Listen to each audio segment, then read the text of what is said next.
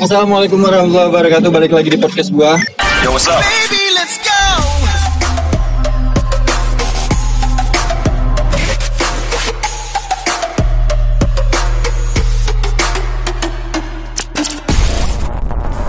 Ah, perasaan nggak enak jadinya nih. Benar ya, ya kalau boleh jujur. Tadi aku tidur jam berapa ya? Pokoknya jam 12 itu bangun terus masuk WhatsApp. Saya sudah di Banda Aceh, Nah, ya kan? Terus aku pertamanya, oh oke. Berarti udah balik dari Sabang, artinya udah kita kan udah janji buat ketemu buat ngobrolin podcast kan. iya iya. Nah terus aku mikir, oh ya udah boleh nih dijadwalin. Oke yuk, kapan kita ke mana? Karena aku malasnya gitu kan ya. Iya. Kapan kita ke mana? Ya udah boleh terus eh, akhirnya sampai hari ini, wadaw, aku nggak sama sekali ekspektasi langsung hari ini ngerti gak? Hari ini Manfaatkan waktu sebaik-baiknya. karena anda mau Karena saya mau Karena- entah berantah.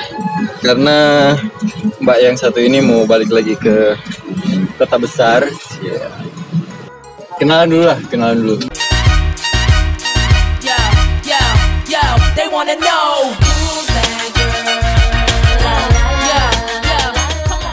Halo, nama saya Masyata Arwin, umur saya sekian.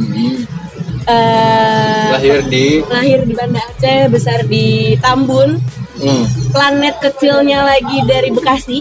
Iya, iya Tambun ya. Lebih Jadi kayak kayak Bekasi itu udah di luar di luar bumi, terus Tambun tuh kayak masih di luarnya lagi. Iya loh. udah kayak Inception gitu kan. Banyak banget Lo tepatnya di Tambun tak? Tambun. Oh, oke. tinggal di Tambun. Jadi dibilang, oh tahu Bekasi ini ini enggak, karena jarang ke kota. Anak perumahan. Pantesan keras ya orangnya. Anak Bekasi, coy. Anak Tambun, cuy kalau ngomong nggak bisa pelan. Ketawa. Sekolah di berarti sempat SD di sini.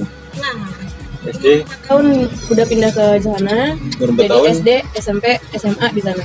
Di- TK lah di sana. di di di, Di. Bekasi di Tambun itu. Terus, Terus kuliah kuliah di Bandung. Unikom. Kuliah di Unikom, komunikasi. Komunikasi. Kenapa komunikasi? Karena saya bawel. Eh, cukup Dan masuk akal. hitung-hitungan. Oh, betul, betul. Orangnya bawel, malas hitungan, akhirnya masuk komunikasi. Ternyata cocok. Cocok, tapi ternyata semester 4 baru menyadari bahwa saya menyukai psikolog. Oh, Jadi sangat disayangkan tapi tidak apa-apa. Terus beres kuliah, Bentang lantung. udah beres kan ya tapi sekarang. udah udah setahun setengah kayak. Udah mau dua tahun kayak. Sekarang April jadi jadi orang yang paling banyak waktu luang ya. Hmm, banyak waktu luang tapi susah diketemuin. Nah, Si. sibuk tak menentu. Kalian kalau misalnya lihat Instagramnya Ita, itu apa ya IG-nya? Ya itu deh. Nanti nanti nanti di di cantumin. Setiap nge-repost IG story dari orang, nggak tahu kalau gua ngelihatnya gitu. Setiap dia nge-repost IG story dari orang, pasti wah kangen, wah akhirnya ketemu, finally ketemu sama Miss ini. Miss ini. Kemarin atau dua kemarin kalau nggak salah baru akhirnya ketemu sama Miss ini. Emang segitu susahnya ditemuin kah? Ah, iya. Bukan susah diketemuin tapi susah diprediksi lagi di mana. Jadi ketika lagi mau ngajak main nih, eh lagi nggak di Banda Aceh, lagi mau ngajak main di Sabang lah, eh, tiba-tiba di Jakarta lah, tiba-tiba di Bandung lah. Emang Semua di orang luar berarti bukan berarti susah ditemuin karena nggak pernah keluar Ya. rumah, justru karena sering keluar rumah karena keluyuran karena keluyuran. begitu. Banda Aceh cewek keluyuran juga cuy, jadi nggak ada alasan untuk tidak ke mana-mana. Beda hari tanpa ngopi. Oh ngopi, oke. Warung kopi walaupun pesannya teh manis. bener kan? Bener kan? Baru menyemplung di Banda Aceh terus langsung terkenal. Langsung terkenal sebagai orang yang suka kopi. Selain ya terkenalnya ke- lebih karena dia cewek sih. Kalau cowok biasa aja gitu, nggak ada yang peduli anda suka kopi atau enggak gitu. Tapi karena cewek jadi lebih cepat kayaknya. Iya. Dan karena minoritas juga nggak sih karena beda. Iya, karena beda. Jadi Ita ini beda, lebih lebih akrab, lebih cepat akrab orangnya. Karena saya abnormal. Iya, abnormal. Oke. Gak beraturan, gak normal. Mata di mana, hidung di mana. terus orangnya asik eh, easy going so asik tapi seru lah maksudnya orangnya seru orangnya seru diajak ngobrol enak cepat nyambung nggak sombong nggak kayak orang-orang nggak kayak cewek-cewek kebanyakan ngerasa gitu nggak? Gitu yang banyak kan kayak yang gimana ya susah dijelaskan. Gimana rasanya? Balik lagi ke Aceh ketemu sama teman-teman di sini yang pasti kita udah terbiasa sama suasana Jakarta dan Bandung. Hmm, terus balik ke sini dengan suasana yang agak beda nih. Agak beda. Ah, terus? Sebenarnya sih ya agak beda, tapi mencoba untuk kayak yang ya udahlah sama aja. Kayak kota kayak kota di Jakarta kayak misalnya pembawaan gue ya udah gitu aja. nggak coba nipu ya Iya nggak harus kayak ngikutin banget. Oh datang sini harus pakai kerudung ke mana-mana. Nggak harus Kayak, mencoba lo harus jadi orang lain. Jaga ini. Ah. Tuh gue tuh cewek jam segini lo harus udah pulang gitu kan. Ya walaupun gue kayak sekarang sekarang ini jam segini harus pulang. Awal-awal tuh kayak jam satu pulang sampai diomelin dulu. Cewek apa? Jam satu malam. Iya. Sedangkan kalau di Bandung tuh, nah nggak usah pulang malam-malam ya, pagi aja sekalian. Bahaya kalau pulang malam-malam gitu. Terus jadi ketemu sama teman-teman di sini. Eh, sebetulnya teman-teman di sini tuh pada awalnya teman-teman abang. hmm, Terkenal. Jadi jadi ini salah satu. Jadi pertama pertama gue ketemu sama Ita itu terus eh, adik saya Iya. bilang bahwa abangnya Ita ini terkenal, maksudnya terkenal terkenal di Banda Aceh dan banyak temennya. Hmm. Saya tidak kenal tapi ya karena kan kenal. karena kan gue nggak di sini. Jadi terus nanya sama teman-teman. Berarti emang bener ya. Berarti maksudnya ya emang abang kita pergaulannya di sini eh, rame Ya, gitu. karena memang dari kecil di sini Hmm. sekolah sampai SMA di sini. Ada Terus- banyak mantan di sini. Siap. Oke, jadi ngomongin abang itu. terus, Bang, bang. Ada di sini loh. wadaw. Terus terus akhirnya kenal dari Nah, ya awalnya kayak yang setiap main awalnya titik-titik temunya di laut dulu. Lampu U. oh, Lampu U tempatnya Adun itu.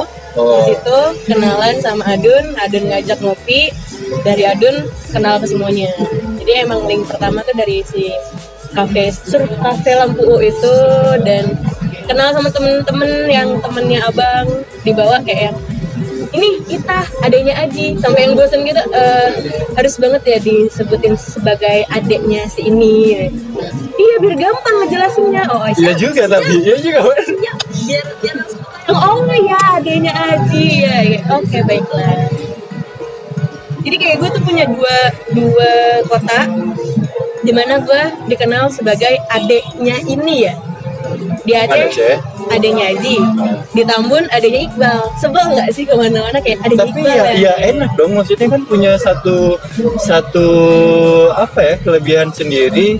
Jadi mau masuk ke mana-mana kan gampang. ya Satu hal yang tidak dimiliki adik adik saya, karena saya tidak terkenal. Kenalnya anjing pas ketemu di kosan. Oh adiknya Bang Dova. Kakak kenal Bang Dova. Waduh mau dijawab kenal di mana? Susah. kenal. Mau kenal di tempat dugem. Kan nggak gitu cara konsepnya tuh nggak gitu. kenal. Bagian ini pasti dikat. Nggak ada omongan itu ngapain dikat juga? Oh, ada omongan bagiannya pasti nggak akan logikanya ya. gimmick gimmick. Habis itu ngopi. Ah, suka kopi sejak kopi sejak balik dari Aceh entah tahun berapa ya? 2015 apa 16 gitu. Jadi abang tuh nyeletuk tah suka kopi dong orang Aceh harus suka kopi. Oh oke mencoba untuk suka kopi kebetulan ke Bandung. Eh sempat kenalan randomly dari aplikasi mencari jodoh. Oke. Eh, ternyata dia kerja di warta apa sih kayak coffee shop gitu Drizzle Coffee Kopi shop yang paling terkenal dengan barista yang ganteng itu kan? iya Jan. Kan Reza.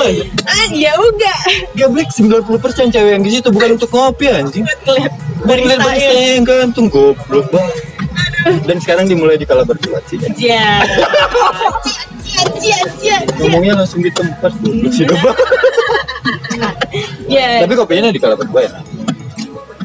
Promosi. Karena saya ngobrolnya di sini. oh iya betul. Siap Ya tapi enak ya. Terus di Kedreza akhirnya? Nah, ya ke Rizal terus dia kayak yang kebetulan banget kayak gue nggak minta tapi tiba-tiba udah dibikinin manual nih cobain kopi manual. Cobain pertama tuh cobainnya ya oh yang panas sih cobain manual minum terus kayak habisin kayak nggak boleh nggak dihabisin. Minum eh enak nih. Eh, karena light kan. Karena selama ini tuh nyobainnya tubruk oh. Pernah iseng cobain kopi bokap gitu di rumah waktu kecil. Terus diminum aduh. Langsung taruh lagi. Yang kayak aduh pekat banget kan kalau tubruk tuh. Udah gitu manisnya juga nggak ketulungan. Begitu minum manual ih kok enak kopi. Asamnya dapat. Pertama-tama pahit memang kan. Ih enak cobain lagi terus kayak yang cobain lagi cobain lagi akhirnya terbiasa dan suka Jadi suka kopi. ya tapi nggak suka espresso tetap merusak rasa kalau Berarti gitu di Bandung. di Bandung awalnya Awalnya di Bandung. Bandung membuka sangat banyak wawasan ya. banget Termasuk membuka oke. membuka pikiran saya Membuka pikirannya benar menjadi setuju open minded Saya sebagai orang yang sempat tinggal di Bandung sebentar juga lumayan. sih. Bandung enak. Iya ngomongin Bandungnya. Eh. Ngomongin Bandungnya Pak. Nah terus suka kopi awalnya di Bandung sampai akhirnya balik ke Aceh. Main lah di tempat-tempat kopi di Aceh. Iya, balik ke Aceh tuh kayak setahun sekali pas lagi bulan puasa, bang lebaran lah, bulan puasa menjelang lebaran. Oh pas kuliah berarti orang tua udah di sini udah di Aceh. tahun 2014 akhir. Oh oke. Jadi kayak di sini tuh udah empat tahun berturut-turut Oh. lebaran di sini. Baru lah kayak yang anak baru datang ke sini terus kayak tahu-tahu semua tempat karena begitu nyentuh ke mana-mana aduh mantap petakilannya Sedih. ya pokoknya gitu langsung sini. menjelajah Oh, oke oke. oke. Sampai akhirnya nyoba bikin kopi sendiri, belajar manual. itu nyoba bikin sendiri itu di mana ya pertama kali di Jakarta kalau salah oh iya di Jakarta. Di Jakarta di kopi-kopi. Jadi dulu ada salah satu teman itu kenalan di Aceh juga. Oh, jadi zamannya aku awal-awal ke Aceh temenan sama teman-teman abang gitu itu sekitar ada lima empat orang eh lima enam orang. Dan tiba-tiba pas aku balik ke Jakarta mereka pun jadi nyebar ke Jakarta semua. Oke. satu persatu ke Jakarta ke Jakarta dan sekarang udah nggak pernah nongkrong sama mereka lagi di Aceh karena mereka di sana sekarang. Nah, ke kopi-kopi itu salah satunya eh, teman aku yang di Aceh itu sana main terus kayak yang sok-sokan gitu kan mau nyoba bikin dong gitu. oh boleh boleh biasa kan kalau cowok dengan senang hati nih ada cewek bikin Yoi, kopi kan yoi. jarang-jarang ada yang suka Pasti eh. terbantu lah dengan Iya. dengan gender anda pasti terbantu. Nah, terus saya kira ya udah bikin coba bikin masih pakai feeling feeling gitu udah nggak ngerti hitung hitungan ya kembali lagi saya tidak suka hitung hitungan oke.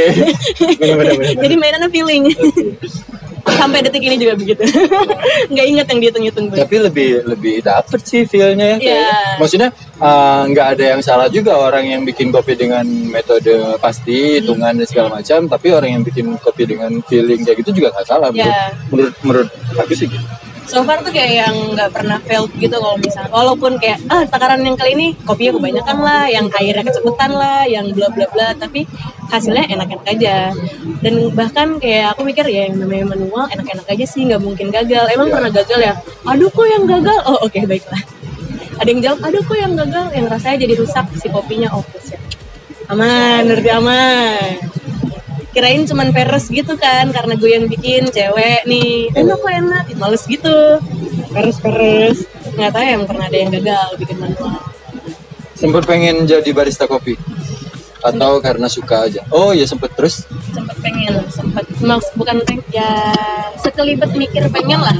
Oh, kayak yang nggak nggak tahu mau kerja apa ya udahlah gue barista aja. Gitu, gitu. Cuman sekelibat nggak tahu nih kayaknya ke Jakarta mikirnya gitu kalau emang nggak dapat kerjaan yang pasti sambil nungguin kerjaan yang pasti pengen coba ini tuh dulu.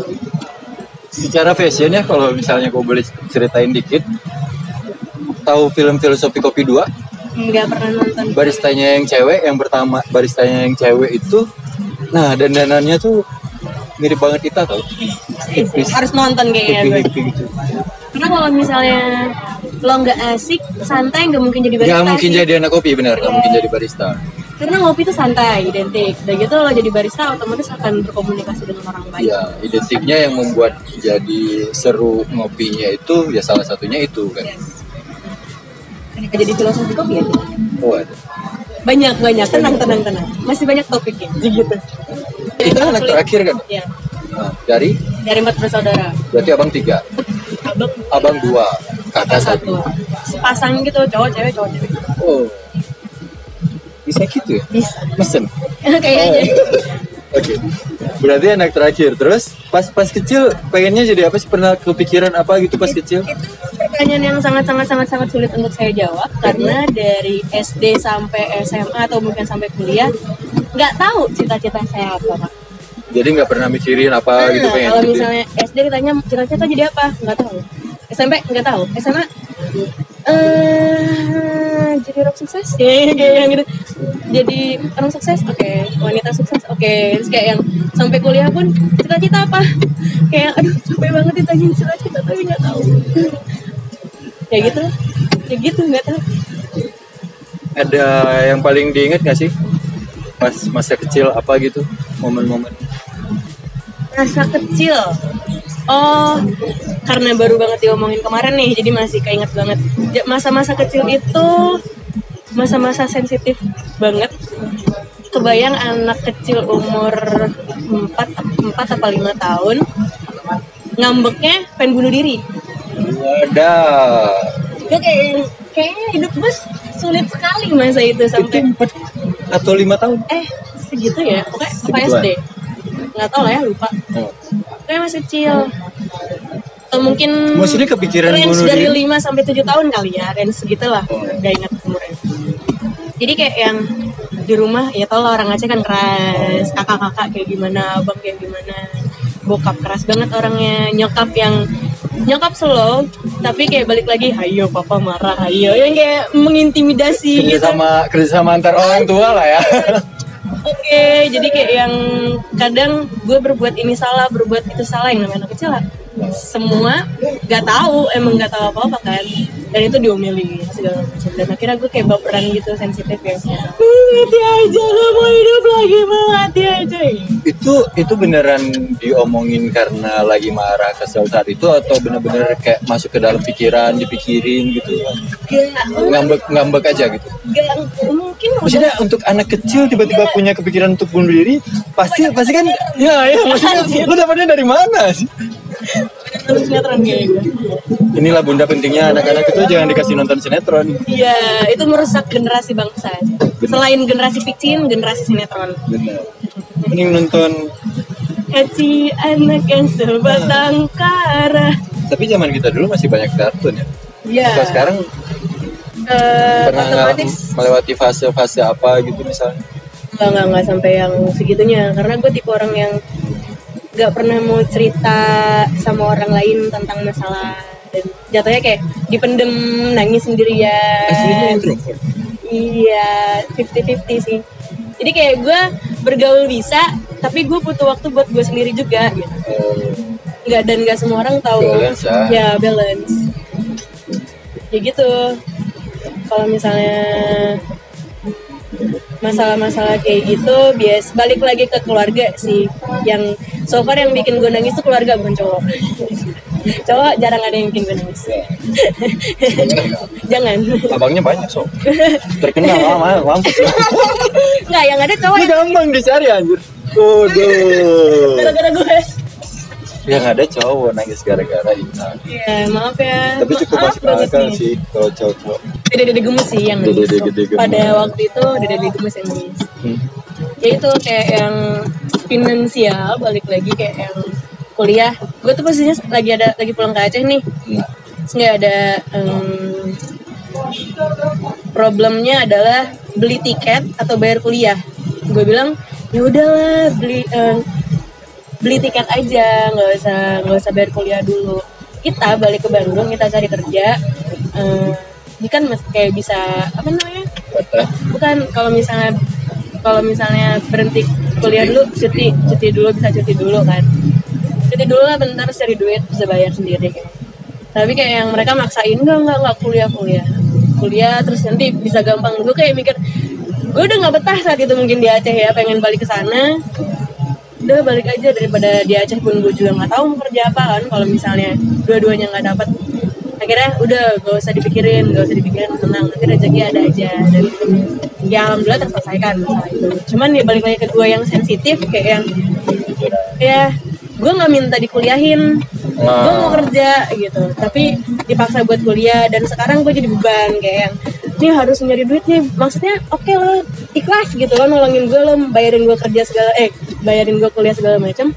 Gak usah diungkit lah gak usah nggak usah ngeluh lah dan di depan gue ngeluhnya gitu kayak aduh mesti nyari duit nih buat Ita kuliah. Jadi ngerasa terbebani sendiri. Nah, itu. Sedangkan ada satu kakak bilang ah ini emang intahnya aja nih. Perasaan banget baperan. Nah ya udahlah. Terus pernah ngerasa ini nggak sih maksudnya pencapaian apa yang yang udah selama ini kita capai gitu yang ngerasa puas gitu? Ya hobi berawal dari hobi diving ya ceritain dong sampai bisa jadi Miss Scuba. Em, sesungguhnya scuba diving itu beda dengan yang pertama gue ini ya. Oh gini deh. Hobi gue itu renang.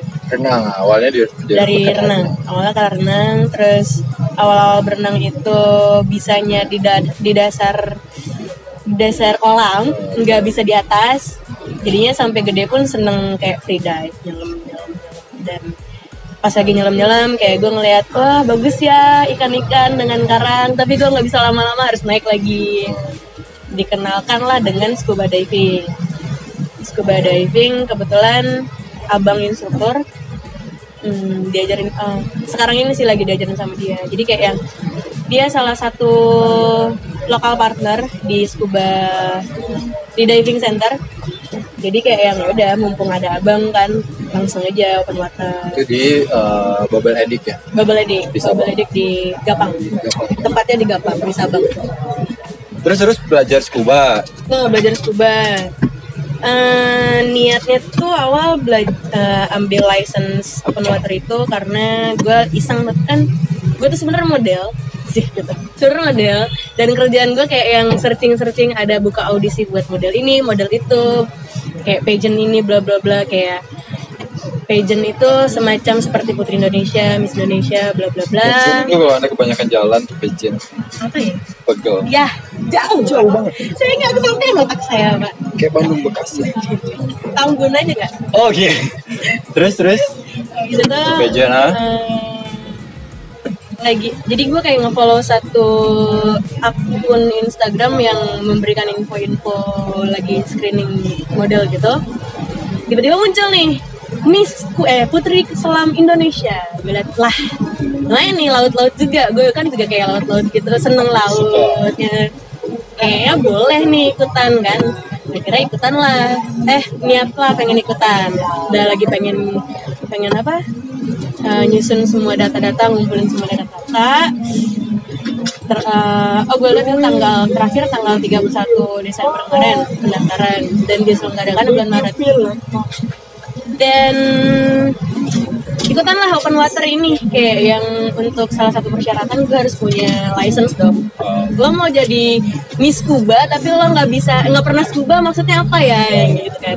Jadi gue mempersiapkan itu ya terus akhirnya akhirnya mempersiapkan Punya license. punya license selama gue scuba scuba di Gapang gitu. Ah, Eh, ketemu lah salah satu orang dari Jakarta. Dia eh, udah dive master gitu segala macam kayak ngomong oh gue waktu ke Bubble gue, em, apa namanya ditanyain kan kenapa mau ngambil open water? Kenapa kenapa mau uh, scuba apa mau, mau diving?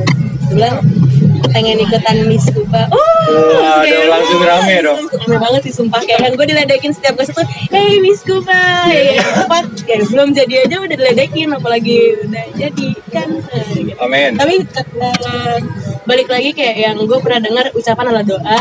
Karena banyak yang ngatain gue gitu dan jadilah gue sekarang. Wih, Miss Kuba. dan loncat. Nggak di nggak nggak putri selam putri selam Indonesia tapi langsung ke internasional Jadi Miss, Miss Kuba Internasional. Waduh. Yang kemarin acaranya di acara di Malaysia di Malaysia. Kota Kinabalu Acaranya apa aja? acaranya tuh eh, kayak karantina 15 hari itu otomatis ada aktivitas-aktivitas dari mereka kayak yang sesi foto, ada yang talent show, ada yang pastinya scuba diving karena itu Miss Scuba. gue selama di sana tujuh kali diving, tujuh kali diving. eh, Dan banyak bisnis scuba dari negara lainnya. yes, 21 negara, salah satunya Indonesia. Dari 21 negara itu ada yang jomblo. Oke, pertanyaannya di luar konten. Eh, pedas banget kripsat kripsat. Itu lumayan maksudnya membuka membuka pengalaman baru, uh, opportunity baru ya, peluang-peluang baru. membangun rumah di setiap negara. Jadi kalau mau ke negara mana, eh aku mau ke sini nih, nginep dong ya. Kesel gak? Tujuannya dari awal nyebelin gitu. Suka traveling? Suka. Ya karena emang dari kecil udah dibawa traveling.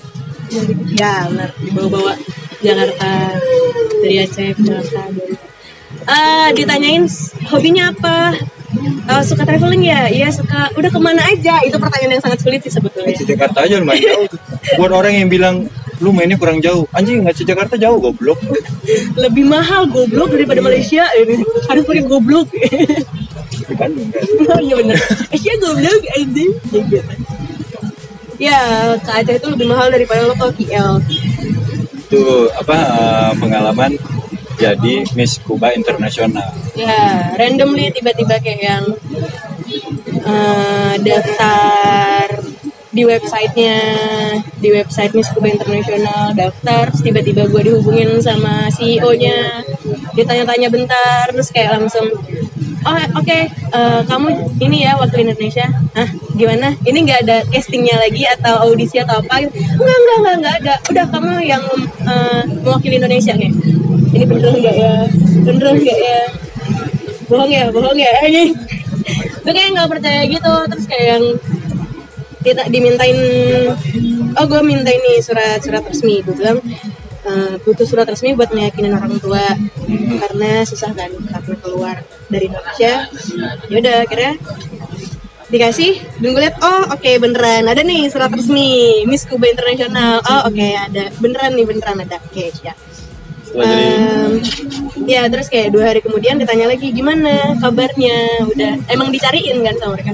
Gimana kabarnya udah dapat persetujuan udah nih eh, kabar gembira udah disetujuin segala macam oh ya udah saya minta nomor paspor kamu kayak eh sesungguhnya saya tidak punya paspor Oke. berangkat. Iya. Oke, butuh waktu berapa lama kamu bikin paspor? Eh, jadi kayak dia ngasih tenggat waktu, gue bilang ya saya akan usahakan sebelum tanggal itu. Oke. Dan kayak yang gue belum mau apa ya? Oh persiapan kayak yang ngurusin gaun lah, sponsor-sponsor kayak yang nasional kostum bla bla bla itu belum gue persiapkan. Dan gimana ya? belum dipersiapkan karena gue belum menerima tiket nih saat itu. Oh gue bilang kayak yang ya udah eh, saya minta nama kamu aja. Karena paspor belum jadi kan nama, kamu aja sesuai ID kasih.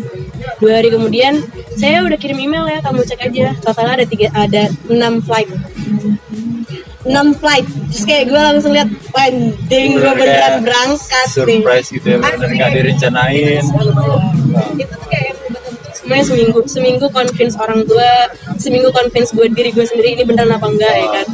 Udah convince seminggu seminggu gue nungguin eh, gue nyari sponsor. Seminggu itu kayak yang gue apa sih ada talent show gitu dan gue kayak tari Bali gitu kan itu cuma ngeliat di YouTube doang. Semua orang tanya wah kamu pasti lama ya latihannya eh, tari Bali bla bla enggak. Cuma ngeliat dari YouTube dia gitu. Dan latihan cuma tiga kali doang. Terus pas pulang-pulang diundang buat wawancara di Hitam Putih. ya. Oh enggak. Oh, terus pernah jadi model. Pernah jadi model. Awalnya.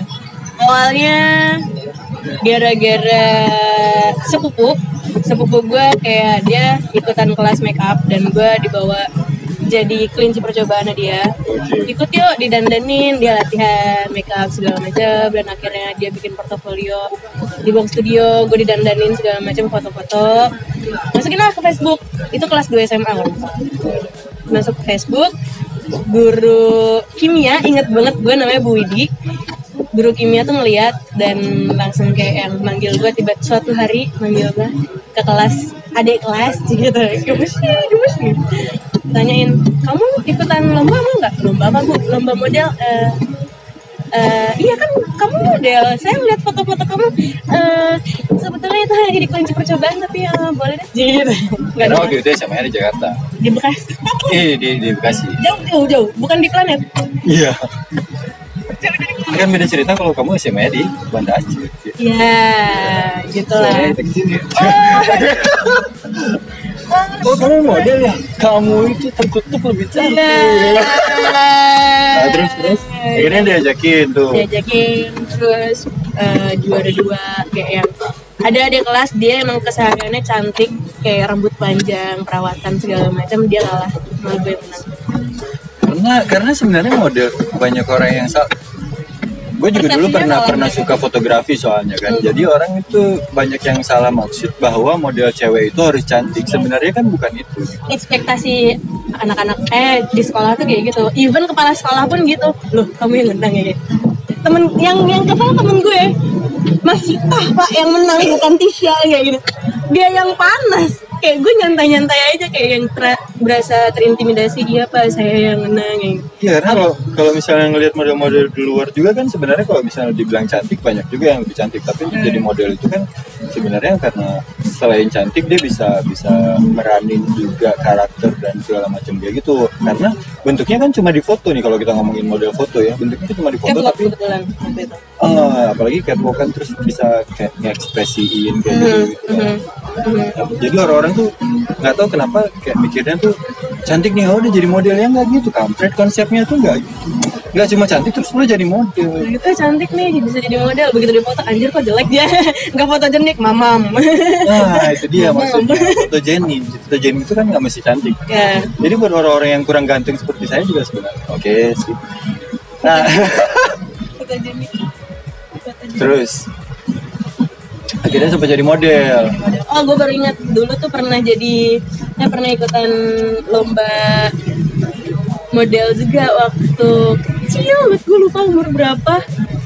Jadi dulu tuh gue pengajian. Alhamdulillah ada basic pengajian di di usia muda saya. oh iya Jadi di TPA itu ada lomba fashion, Hmm. didandanin lah gimana rupa sama nyokap. Hmm, apa muslim muslim gitu.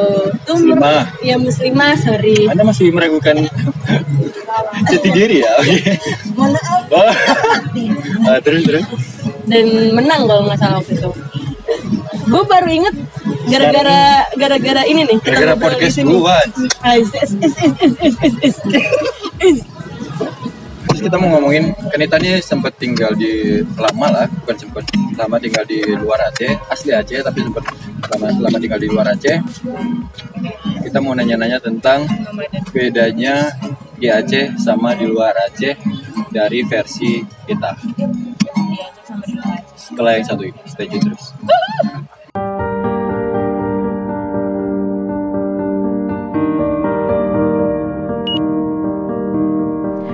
Kantong plastik, suatu benda yang dapat kita temukan dengan sangat mudah di mana pun. Di supermarket, di minimarket, di pasar, bahkan di warung dekat rumah, semua menyediakan kantong plastik secara cuma-cuma. Kita pun selalu terbiasa menggunakan banyak sekali kantong plastik ketika berbelanja.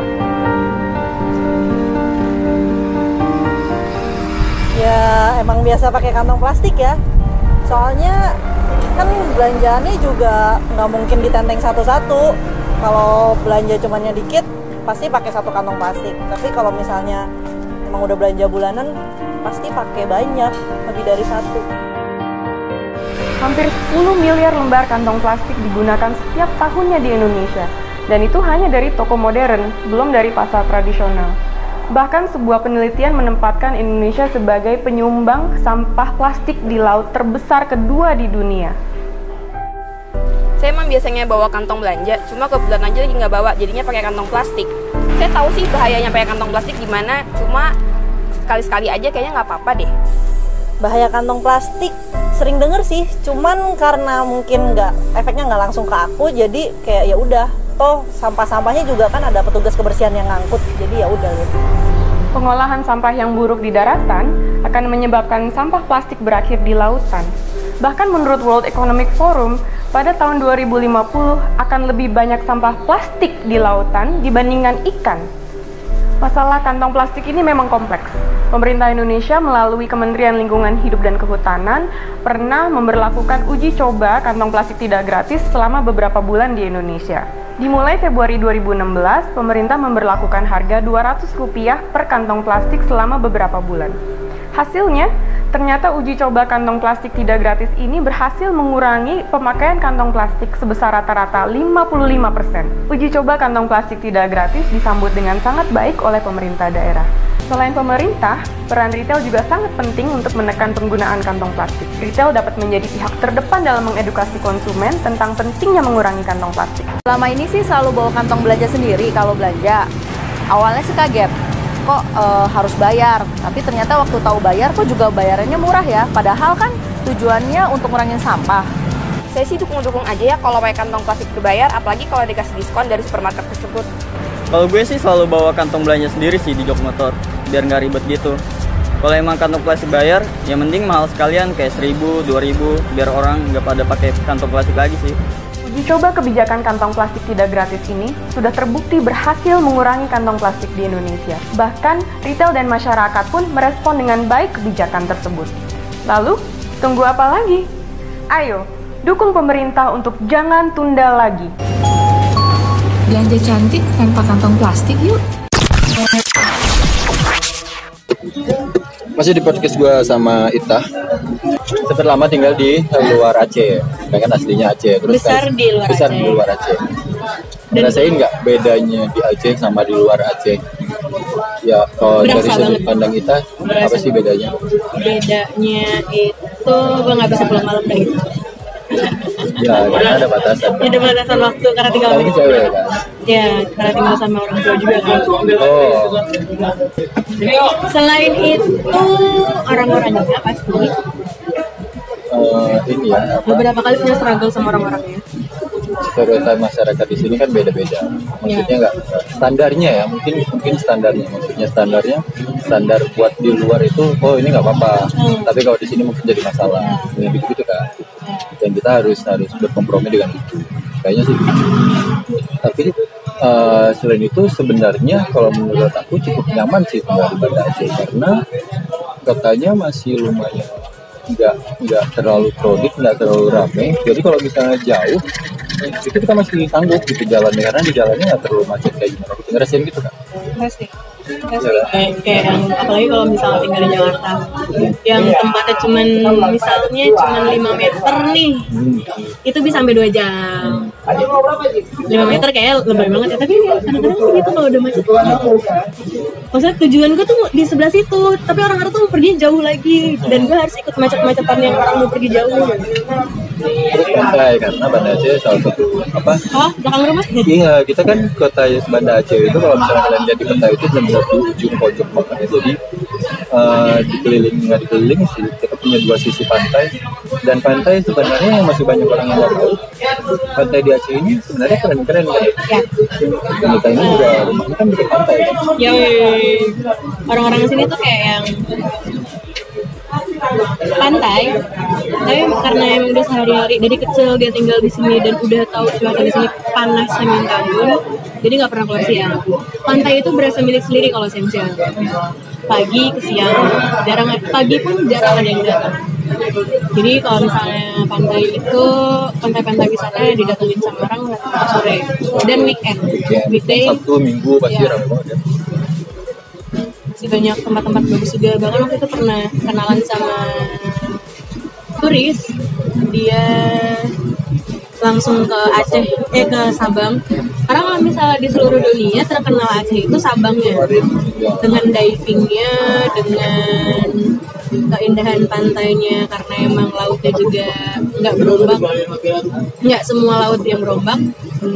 Jadi orang-orang luar tuh taunya ya Sabang. Aceh itu ya Sabang Aceh itu cuma transit mereka pesawat doang kayak yang di Banda Aceh terus langsung nyebrang sana jadi ceritanya gue waktu itu pernah bawa turis gue kenal di Sabang Oh kenal di kapal karena perlu cerita lagi nggak nih? nggak apa-apa Oke, cerita lagi. Jadi ceritanya tuh gue lagi di kapal karena sering sendirian gitu kan bolak-balik Sabang Banda Aceh karena kebetulan kakak gue tinggal di. Jadi sendirian dan gue kayak mulai digangguin gitu sama sama orang eh, penumpang yang lain. Digangguin kayak dideketin deketin ajak ngobrol ngasih gorengan minta nomor HP eh pertama-tama sih kayak yang diisengin dia ada ponakan gitu kan ponakannya foto-foto sama kakak itu foto ya. Oh sini sini mau foto. Masih welcome masih baik kan kan masih manis. Ya sini foto. Udah gitu udah ada foto di foto bareng berasa artis gue diminta foto bareng habis itu udah lu. Belum belum waktu itu belum sih gitu.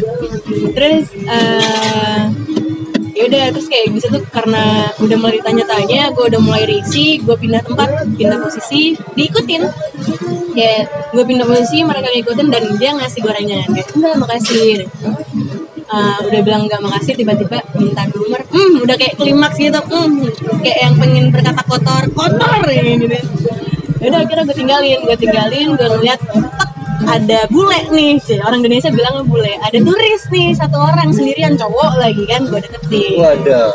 gue deketin kayak yang gue ngomong hai ngomong bahasa Inggris dan dan mereka akhirnya mundur karena gue ngobrol sama foreigner. Kayak gue ngom gue gue tuh the point kayak gak apa ya ngobrol saya digangguin nih gak enak kayak gini. Oh iya iya ngobrol akhirnya. Sebagai imbalan eh, flight jam berapa? Gue bilang besok pagi. Oh sore ini ke mana? Eh, mau mau ikut jalan-jalan nggak? Aku bawa ke aku tunjukin laut. Gue bilang "Ada pantai bagus di sini. Oh di sini ada pantai bagus? Juga ada. Ada akhirnya kita gantian aku bawa ke Lampuku tempat yang emang wisata yang oke mainstream tapi ya itu indah Tapi mau dibilang ya, apa gitu. kan Mainstream karena kayak emang dekat sama Banda Aceh jadi orang-orang Iya. sini ngerasanya kayak ah, biasa aja. Sebenarnya itu yang bagus.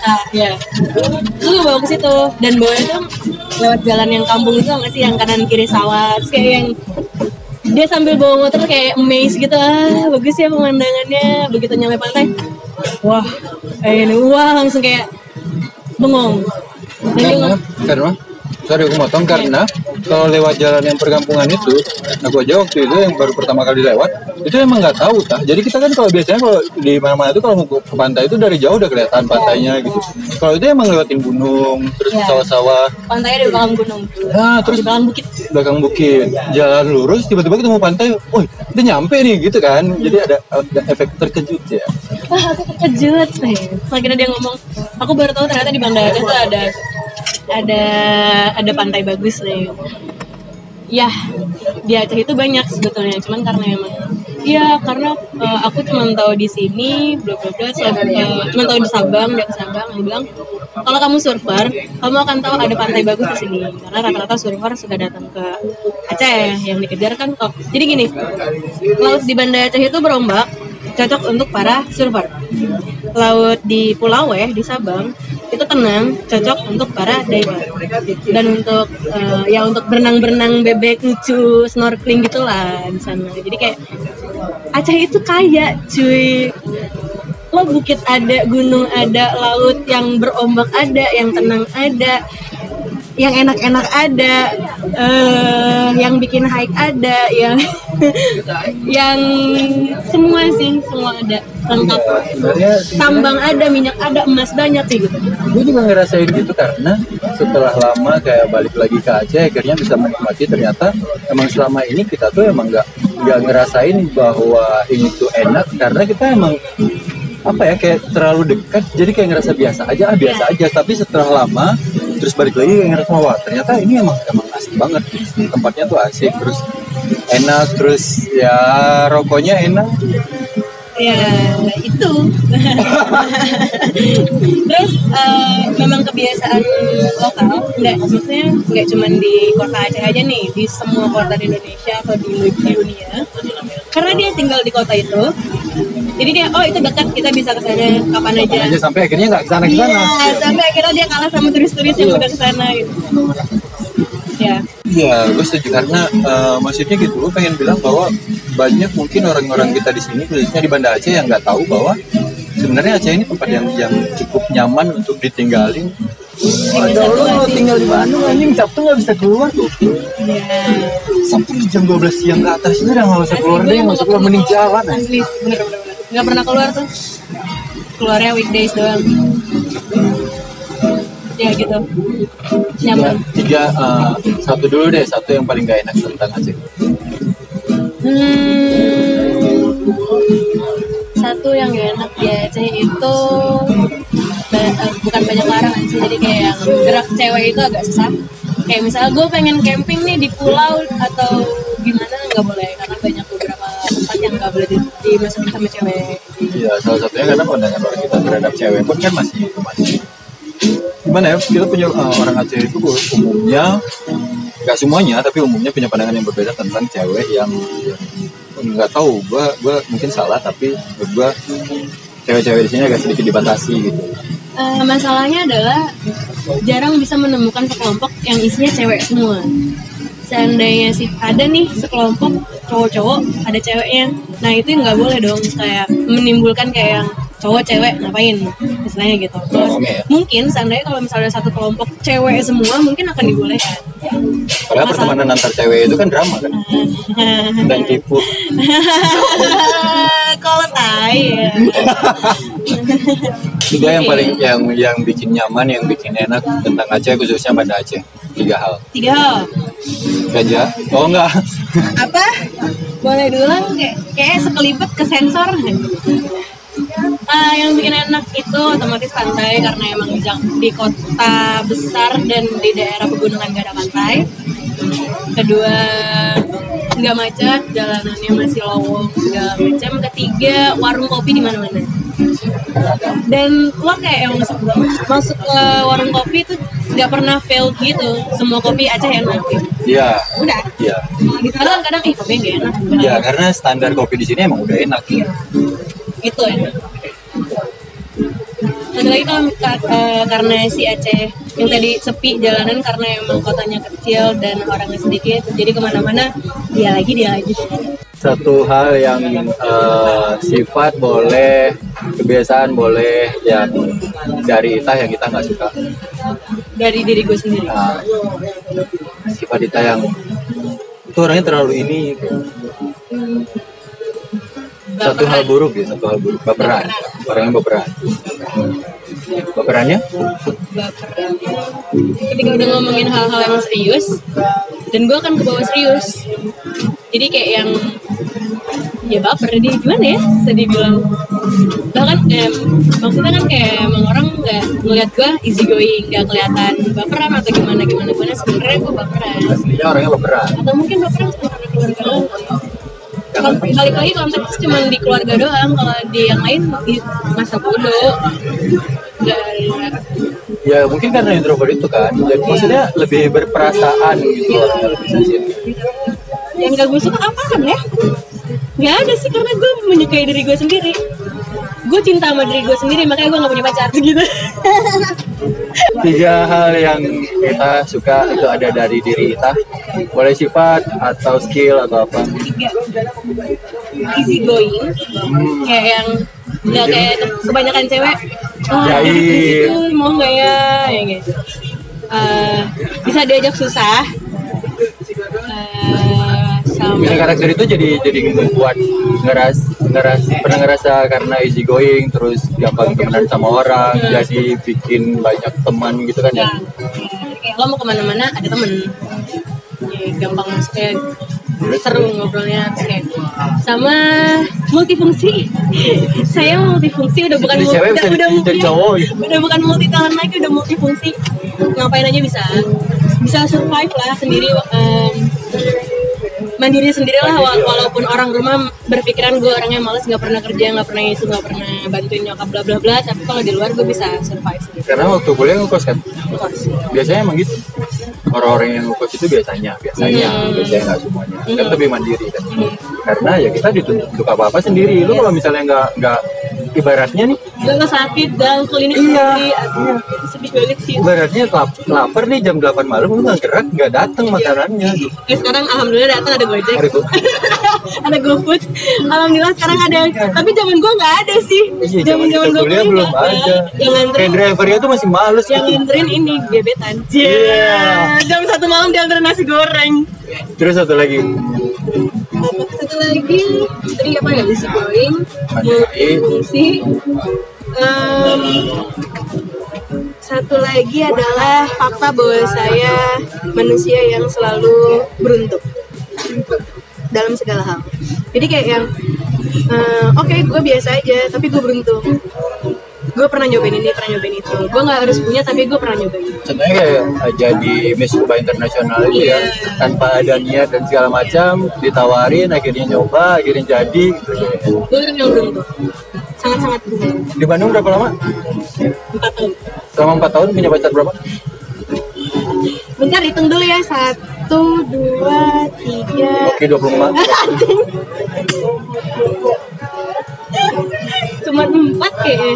Yang takluk banget sama sama cowok Bandung siapa sih? takut banget maksudnya pernah pernah jatuh banget nggak sih yang pernah merasa wah dia nih mak- maksudnya di antara Iya, iya, gua juga 126 gebetan itu yang maksudnya yang pernah pernah. Pernah gue pernah eh, jadi tolol banget gara-gara satu cowok. Jadi itu zaman zaman gue semester satu semester dua pokoknya awal kuliah lah awal awal kuliah di mana diri gue tuh masih diri anak SMA yang nggak tahu apa apa yang dari Tambun yang yang punya teman bermobil itu jarang ya kan? Seneng banget deket sama cowok ternyata dia bermobil gitu walaupun dia kere sebetulnya. Gue suka banget sama dia nih gue suka banget. Nah, dia ngedeketin gue segala macam nggak tahu dia punya cewek dan gue udah tahu dia ya biasa lah cewek kan kalau udah suka sama cowok tuh pasti diselidikin sampai akar-akarnya asli asli. Diselidikin sampai ke akar-akarnya dan eh, dan akhirnya ketahuan. Sebenarnya dia di aku kenal dia dari lingkungan temen. Dan lingkungan temen itu biasa kalau lingkungan cowok temen cowok pasti menutupi masing-masing keburukan. Benar. nggak mungkin ngomong ke cewek. Itu udah kayak bros code kita asli asli asli. Goblok jadi kayak cuman diliatin doang dan senyum senyum ya kan gitu. Dan sampai akhirnya gue menemukan fakta dia punya cewek gue gue tanya anak-anak dan dia tak sebenarnya tuh dia udah kayak gitu. Kita tahu ya cerita akhirnya jangan didatangin dibakar mobilnya dia anjing gue gue nggak sanarkis itu anjir. Gue gue cuman gue cuman ngasih surat kayak gue nge screenshot Twitter dan pet nih. Zaman dulu kan mainan Twitter sama pet. Kayak yang di Twitter uh, in relationship with si ini dan di pet kayak yang abis mesra-mesra nama ceweknya tapi seminggu kemudian dia deketin gue yang kayak gue screenshot gue kirim eh gue gue print ke warnet jangan warnet warnet gue ngeprint terus gue gue amplopin. Gue kasih kayak gue buletin ini siapa? Ini maksudnya apa? Kayak anjing gue dramatis mana kampus mana? Apanya nih gue apa dia? Dianya. Dianya anak anak apa sih sekolah tinggi hukum yang di Ciamplas itu? Sekolah tinggi oh S. Sekolah tinggi hukum Bandung. Kayaknya. STHB ya? Kayaknya. Atau bukan yang di Ciamplas dan ya udah akhirnya udahan gitu aja kayak yang let it flow gitu aja. Tapi masih ada rasa suka. Udah ngomongin relationship. Oh aja. Apa sih relationship buat kita? Relationship buat kita. Karena belum nikah ya kita ngomonginnya konteksnya pacaran atau temenan saling percaya tem temenan gimana ya. Wah, dia ada saat susah saat senang sebagai pasangan. Sebagai teman juga. Enggak enggak. Ini kita ngomonginnya yang pacaran nih. Kalau misalnya pacar apa sih maksudnya buat buat gue juga pacaran cuy. Jadi gue nggak ngerti. Ya, tapi kan pernah. Iya gue di Bandung nggak pernah pacaran itu. Semua orang yang di Bandung bilang nggak pernah pacaran tuh bohong. Tapi gue tuh pacaran paling lama cuma sebulan. Ya nggak pernah. Eh, oke motor udah dibeli sebulan hitungannya second. Kok bener? Iya. Ya relationship. Oh yang udah gue alamin aja kali ya. Atau pengennya? Apa sih makna percaya atau komunikasi gitu-gitu? Yang standar basic-basic orang pengertian relationship. Oh, I see, I see, I see, I see, I see, I see. Yang gue inginkan ya, Ah. misalnya relationship itu kayak yang em, ya itu saling percaya dan gue tipe yang kalau gue butuh dia harus ada. Maksudnya even cuman balas chat gue doang gitu. Ada pengertian itu harus banget pengertian kayak oke jauh nih kita LDR nih tapi seenggaknya sekarang tuh ada gojek gue sakit lo kirimin obat. Kayak gue lapar lo, lo gojekin obat makanan obat lapar. Kayak gitu. Jadi eh, pernah LDRan jauh gue ngerasa anjir gue pacaran sama setan nih. Gue gue nggak dapet perhatian maksudnya gue lapar gak ada yang ngisi perut gue justru ada orang cowok lain yang datang dan ngasih makanan ke gue kan gue kayak yang dan ini anak nggak ada inisiatif inisiatif sama sekali. Karena dia punya banyak teman di Bandung tapi dia nggak pernah ngomong cuman kayak yang di mata matain doang. Eh gue ngeliat cewek lo jalan sama cowok lain. Yang kayak gitu doang nah ya tuh lu punya temen anjir kenapa nggak suruh temen lu datang ke gue bawain apa kek gitu Jadi si cowok-cowoknya itu ya tetap cewek juga. Iya dong, kan Iya. tetap maksudnya maknanya Iya, tetap iya, jadi iya. cewek yang pengen diperhatiin juga. ya wajar ya, Oke, kalau nggak maksudnya ya, ya cukup masuk akal karena kalau nggak ya ngapain pacaran dari first Iya, time. karena gue segala segala bisa ngelakuin sendiri gitu. Gue cuma butuh perhatian sih. Itu balikin kursi. Buat cowok-cowok yang Dan satu lagi, gue nggak bisa nolak cowok. nggak bisa nolak cowok. Ini kayak gampang banget ini ini semua orang yang dengerin pasti bakal nembak nih. Bedanya adalah kalau gue ngomong ini dan gue tahu siapa siapa aja yang udah denger dan itu nggak akan berlaku lagi. Jadi ketika kayak misal dan momen juga sih pastinya kan kayak deketin deketin tiba-tiba nembak anjir gue gimana nolaknya? Oh, artinya ngerti Iya ngerti. karena sejauh ini kayak yang ya itu yang uh, pernah gue ceritain kalau misalnya ada cowok yang suka sama gue terus kayak yang oke jalan nih jalan gue pengen tahu dia kayak gimana sehari jalan. Ternyata gue ngasrep sama dia gue mundur ngilang. Dan ketik gue pernah jadian sama satu orang jadi keduluan kecolongan start gue belum sempat cuy gimana gue nolak ya jadi kayak wah anjir ilmu gue belum nyampe situ anjir nggak bisa nolak ya udah akhirnya pacaran Waduh. tapi dia salah satu Oh. mantan terindah sih Iya. Tapi maksudnya gini, ber- berarti tipe orang yang uh, berani nyoba dulu ya. Udah kita coba dulu. Bukan tipe orang yang pikir langsung prediksi wah gue gak bakal bener sama dia. Tapi mau nyoba dulu di mana kenal dulu iya dan itu dan gue bukan tipe orang yang lama-lama PDKT ya kalau suka ya udah jadian. Ya mau ya mau pacaran ya pacaran. Dan dan begitu tahu jeleknya udah hamil gitu. Jeleknya gue gitu.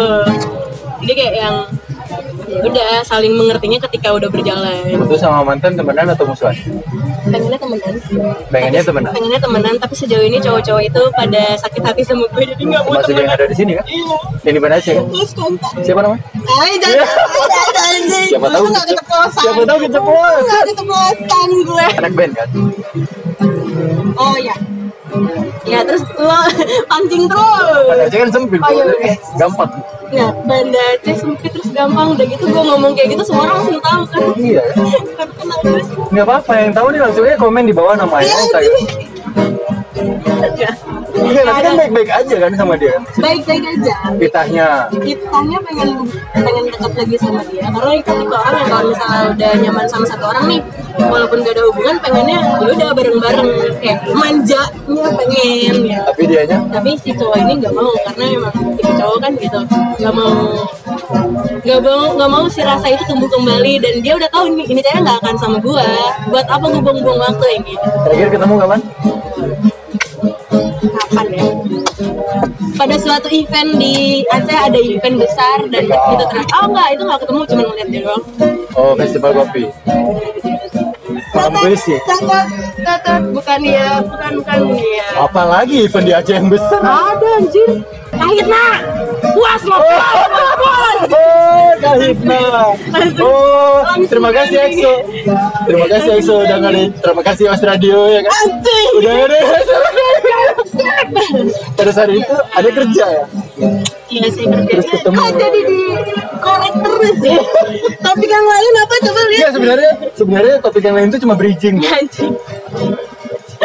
Oh anjir gua kena nih. Tapi cuma satu di Aceh. Masuk. Eh, Cuma satu. PDKT banyak gitu. Ya buat abangnya silakan kontak lagi tanya. Kita pengen temenan kok sebenarnya. Sebenarnya nggak pengen musuhan. Masih nyaman kok. Ya.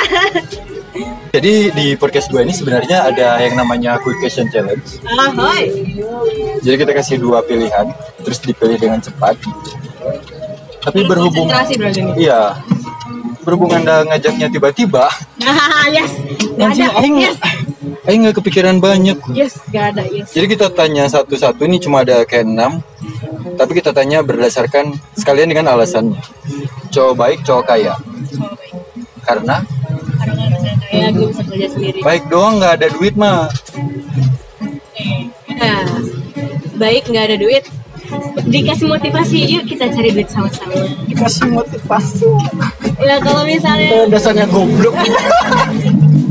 Terus Tadi kan nggak plus goblok tadi. Oh, oke. Cuma naik doang. berarti berarti cowok cowok kaya bukan segalanya. Bukan segalanya. Attitude matter. Attitude. Banyak skill. Gitu. Karena gue pernah nolak cowok tajir habis di Brunei dan dia nangis gara-gara gue tolak. Karena dia nggak pernah mungkin ya dengan materi yang dia punya dan dia nggak pernah ditolak sama cewek begitu datang datanglah seorang sosok astral. Astral tiba-tiba nolak dia nangis tuh Kopi di coffee shop atau kelapa muda di pantai? coffee shop. Karena? Karena banyak orang filosofi ngopinya di situ. Karena ngopi itu bukan tentang rasa, tapi tentang kita ngobrolnya sama siapa. nggak sepi sendirian karena pantai tahu sendiri di Aceh pantainya jarang ada orang Siang atau malam? Tipe orang yang lebih suka siang atau lebih suka malam? siang Karena karena suka sama matahari kalau malam karena semua indah ketika ada sinar matahari kan kalau malam itu lebih romantis. Siang Tidak sa- sangat tidak menggambarkan kita ya. Siang ya karena rame terus kan ya balik lagi kalau misalnya lagi seneng sama laut ya siang pasti kalau misal malam mungkin karena di sini kali ya malam jadi nggak bisa ke mana-mana Iya, mungkin jadi terbentuk kayak karena itu ya juga. Anaknya samar banget. balance banget anaknya tuh Tempat ramai, tempat sepi ya kita udah tahu lah juga. Tempat sepi. Kok tempat sepi? kan ini pertanyaan better kan tempat sepi Tempat sepi. karena kehidupan saya sudah ramai sehari-hari jadi saya butuh tempat sepi Hatinya ramai atau sepi? hati saya sepi sangat sepi Oke, bisa kontak nomor di bawah ini. Mau cowok-cowok. Hujan atau panas? panas Panas. Ya karena lebih suka siang sama matahari yes daripada hujan. kalau misalnya hujan nggak begitu suka karena nggak bisa ke mana-mana Berarti bukan tipe-tipe anak indie yang hujan, senja gitu. iya bukan bukan Kota metropolitan, pedesaan asli. bingung kan lo seneng tempat sepi tapi metropolitan nah kan Yin, yin, yin dan yang Iya. anaknya jadi benar di tengah-tengah gitu ya. Semuanya balance, enak. Rame suka, sepi lebih oke. kalau misalnya di pedesaan asli segala macam itu cuma kayak sekali-sekali aja kalau udah penat sama kota besar kalau tinggal aja tuh ah, jadi manusia purba no jauh dari peradaban tidak nggak bisa ngagaul tidak tidak bisa ngegebet banyak cowok tidak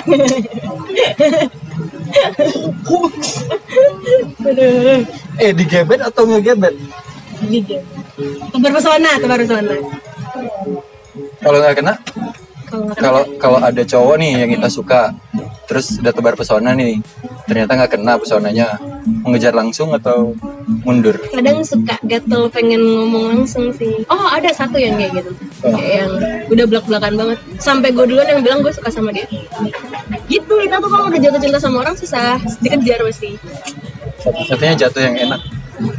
Nggak enak juga sih. Jakarta, Bandung dan sekitarnya atau Aceh, Banda Aceh, Sabang. Jakarta Bandung sekitarnya. Karena?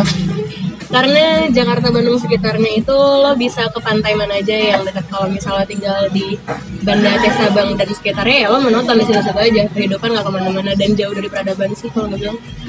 Dan secara karakter sebenarnya kita emang lebih cocok kayak di Jakarta, Bandung dan sekitarnya. ternyata metropolis banget. Oke. Ada rencana apa ke depan? Pasti ke Jakarta, terus ada maksudnya pengen pengen pengen apa lagi nih? Kuliah udah. Pacaran udah, tinggal di Bandung udah. Lahir di Aceh, terus gede di Jakarta, di Tang- di Bekasi udah. Nah, mengejar satu-satunya tujuan yang selama ini saya tuju adalah itu pokoknya. Capek Bukan, karir pak, Oh, karir. dulu karena saya harus membahagiakan kedua orang tua saya dulu. Asik.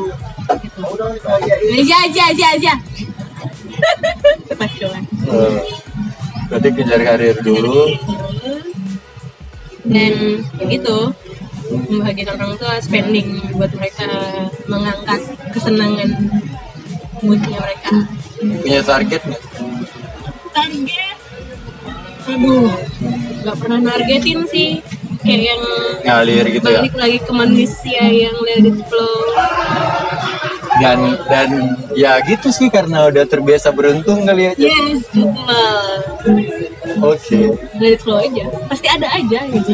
Besok nih ya, nggak besok lah, lusa kali ya. Ada cowok, ada cowok datang ke rumah ngelamar, cakep, terus ya karakternya bagus, anaknya baik-baik. Gak mau, karena gue gak suka. Loh, kan tiba-tiba datang Belum kenalan sama gue Belum main bareng Otomatis gue gak suka Ngapain? Dia mau cakep, mau dia mau tajir, mau gimana Artinya tetap proses dulu sama itahnya dulu. Proses number one Jadi buat cowok-cowok yang pengen banget nikah ya jangan langsung jangan langsung ke rumahnya, sok ke orangnya dulu. Goblok. Oke itu tadi ngobrol sama Ita, thank you Ita. Sukses terus buat nanti di Jakartanya balik lagi kota besar, bye-bye di kota besar, jaga diri. Semua orang dibayain sampai baper Thank you buat waktunya. Iya, Thank you juga buat kalian berdua, kalian buat yang uh, belum tahu atau nggak mungkin belum tahu sih kalau anak-anak Hits Banda Aceh pasti udah tahu ya. Kalau berdua Iya, es kopi pejuang. Dari style ganteng-ganteng Yoi, Drizzle-nya Banda Aceh. Bandungnya gak ketinggalan Ya Iya tahu seru seru tempatnya seru. Thank you udah udah apa ya ya udah kita ambil tempatnya buat ngobrol di sini. Iya Thank you Ita. Sama-sama Dah. Dah.